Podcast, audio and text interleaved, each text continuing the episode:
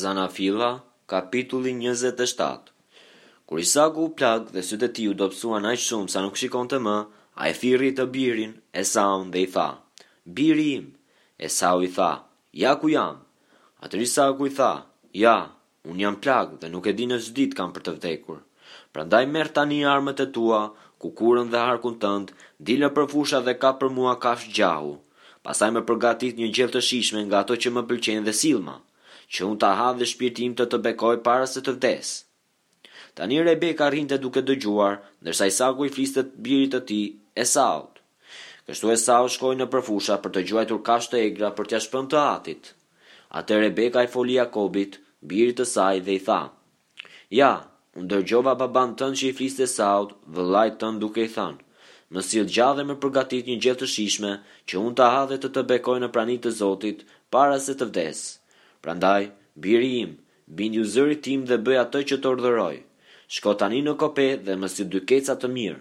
Unë do të përgatis një gjellë të shijshme për babanë tënd, nga ato që i pëlqejnë atij. Pastaj ti do t'ia çosh babait tënd që ta hajë. Dhe kështu ai do të të bekojë para se të vdesë.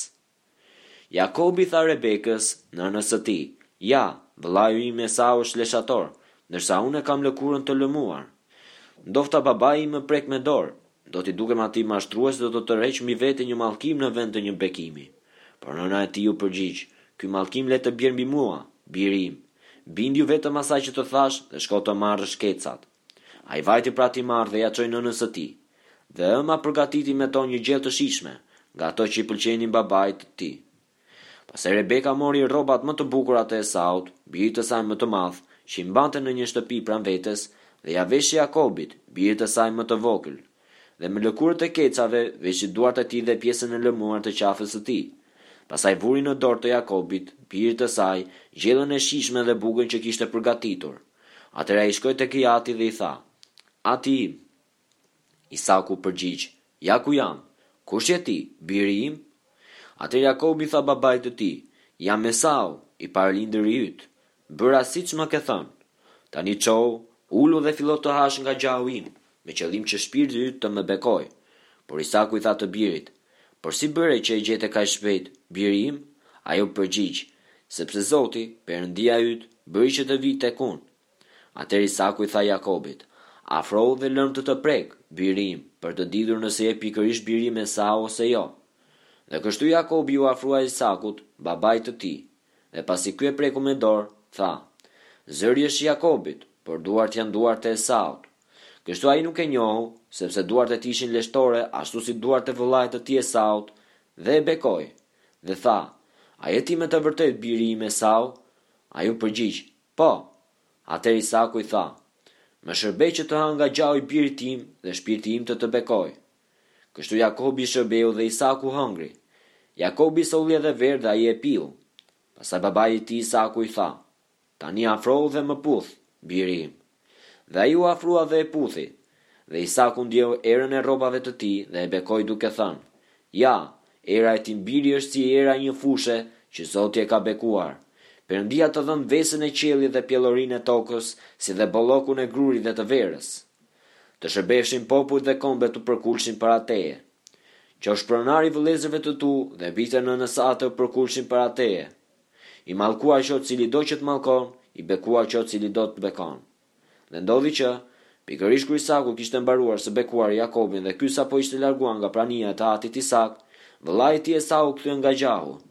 Edhe ai përgatiti një gjellë të shijshme dhe ia shpuri babait të tij dhe i tha, Çohu ati im dhe ha nga gjahu i birit tënd, me qëllim që shpirti yt të më bekojë. Isaku, babai i tij, i tha, Kush je ti? Ai u përgjigj, Jam Esau, biri yt i parëlindur. Atëherë Isakun e zunë ca të dridhura shumë të forta dhe i tha, Kush është ai, pra, që gjuajti gjahun dhe ma solli? Unë i hëngra të gjitha para se të vije ti dhe e bekova, dhe i bekuar ka për të mbetur ai. Me të dëgjuar fjalët e të atit, Esau dha një ulurim të fortë dhe shumë të hidhur. Pastaj tha të atit, Bekomë edhe mua, ati im! Por Isaku iu përgjigj, Yt vëlla erdhi me mashtrim dhe mori bekimin tënd. Esau i tha, Jo më kot është quajtur Jakob? Ai ma zuri vendin deri tani dy herë, më hoqi parëbirninë dhe ja tani po merr bekimin tim. Pastaj shtoi, A nuk ke ruajtur një bekim për mua? Atëherë Isaku u përgjigj dhe i tha Esaut, Ja, unë e bëra zotërinë tënd dhe i dhashë tërë vëllezërit e tij si shërbëtorë dhe e pajisa me grurë dhe me verë, ç'mund të bëj për ty, biri im? Esau i tha babait të tij, A ke vetëm këtë bekim, Ati im, bekomë edhe mua, o Ati im, dhe Esau ngriti zërin dhe qau. Isaku, babai i tij, u përgjigj duke i thënë, Ja, banesa jote do të privohet nga pjelloria e tokës dhe nga vesa që zbret nga lartësia e qiellit. Ti do të jetosh me shpatën tënde dhe do të jesh shërbëtor i vëllait tënd. Por do të ndodhë që, kur do të luftosh, do ta thyesh zgjedhën e tij nga qafa jote. Kështu Esau filloi ta urrejë Jakobin për shkak të betimit që i kishte dhënë i ati, dhe tha në zemër të vet, Ditët e zisë për babanë po afrohen, atëherë do ta vras vëllanë tim Jakobin. Kur i treguan Rebekës fjalët e Esaut, birit të saj më të madh, ajo dërgoi ta thërrasin birin e saj më të vogël, Jakobin, dhe i tha, Ja, Esau, yt vëlla, ngushëllohet ndaj teje, duke menduar të të vrasë. Prandaj, biri im, Bindu fjalëve që të them. Çohu dhe ik shpejt në Haran te Labani, vëllai im, dhe qëndro ca kohë me të, derisa të kalojë zemërimi i vëllait tënd. Derisa mëria e vëllait tënd që të largohet prej teje dhe ai të harrojë atë që i ke bërë, atëherë do të dërgoj njerëz që të të marrin prej andej. Pse duhet t'ju humbas që të dyve brenda një dite të vetme?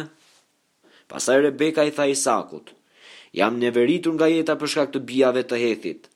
Në rast se Jakobi merr për grua një nga bijat e Hethit, një grua si ato të vendit, ç'më duhet jeta?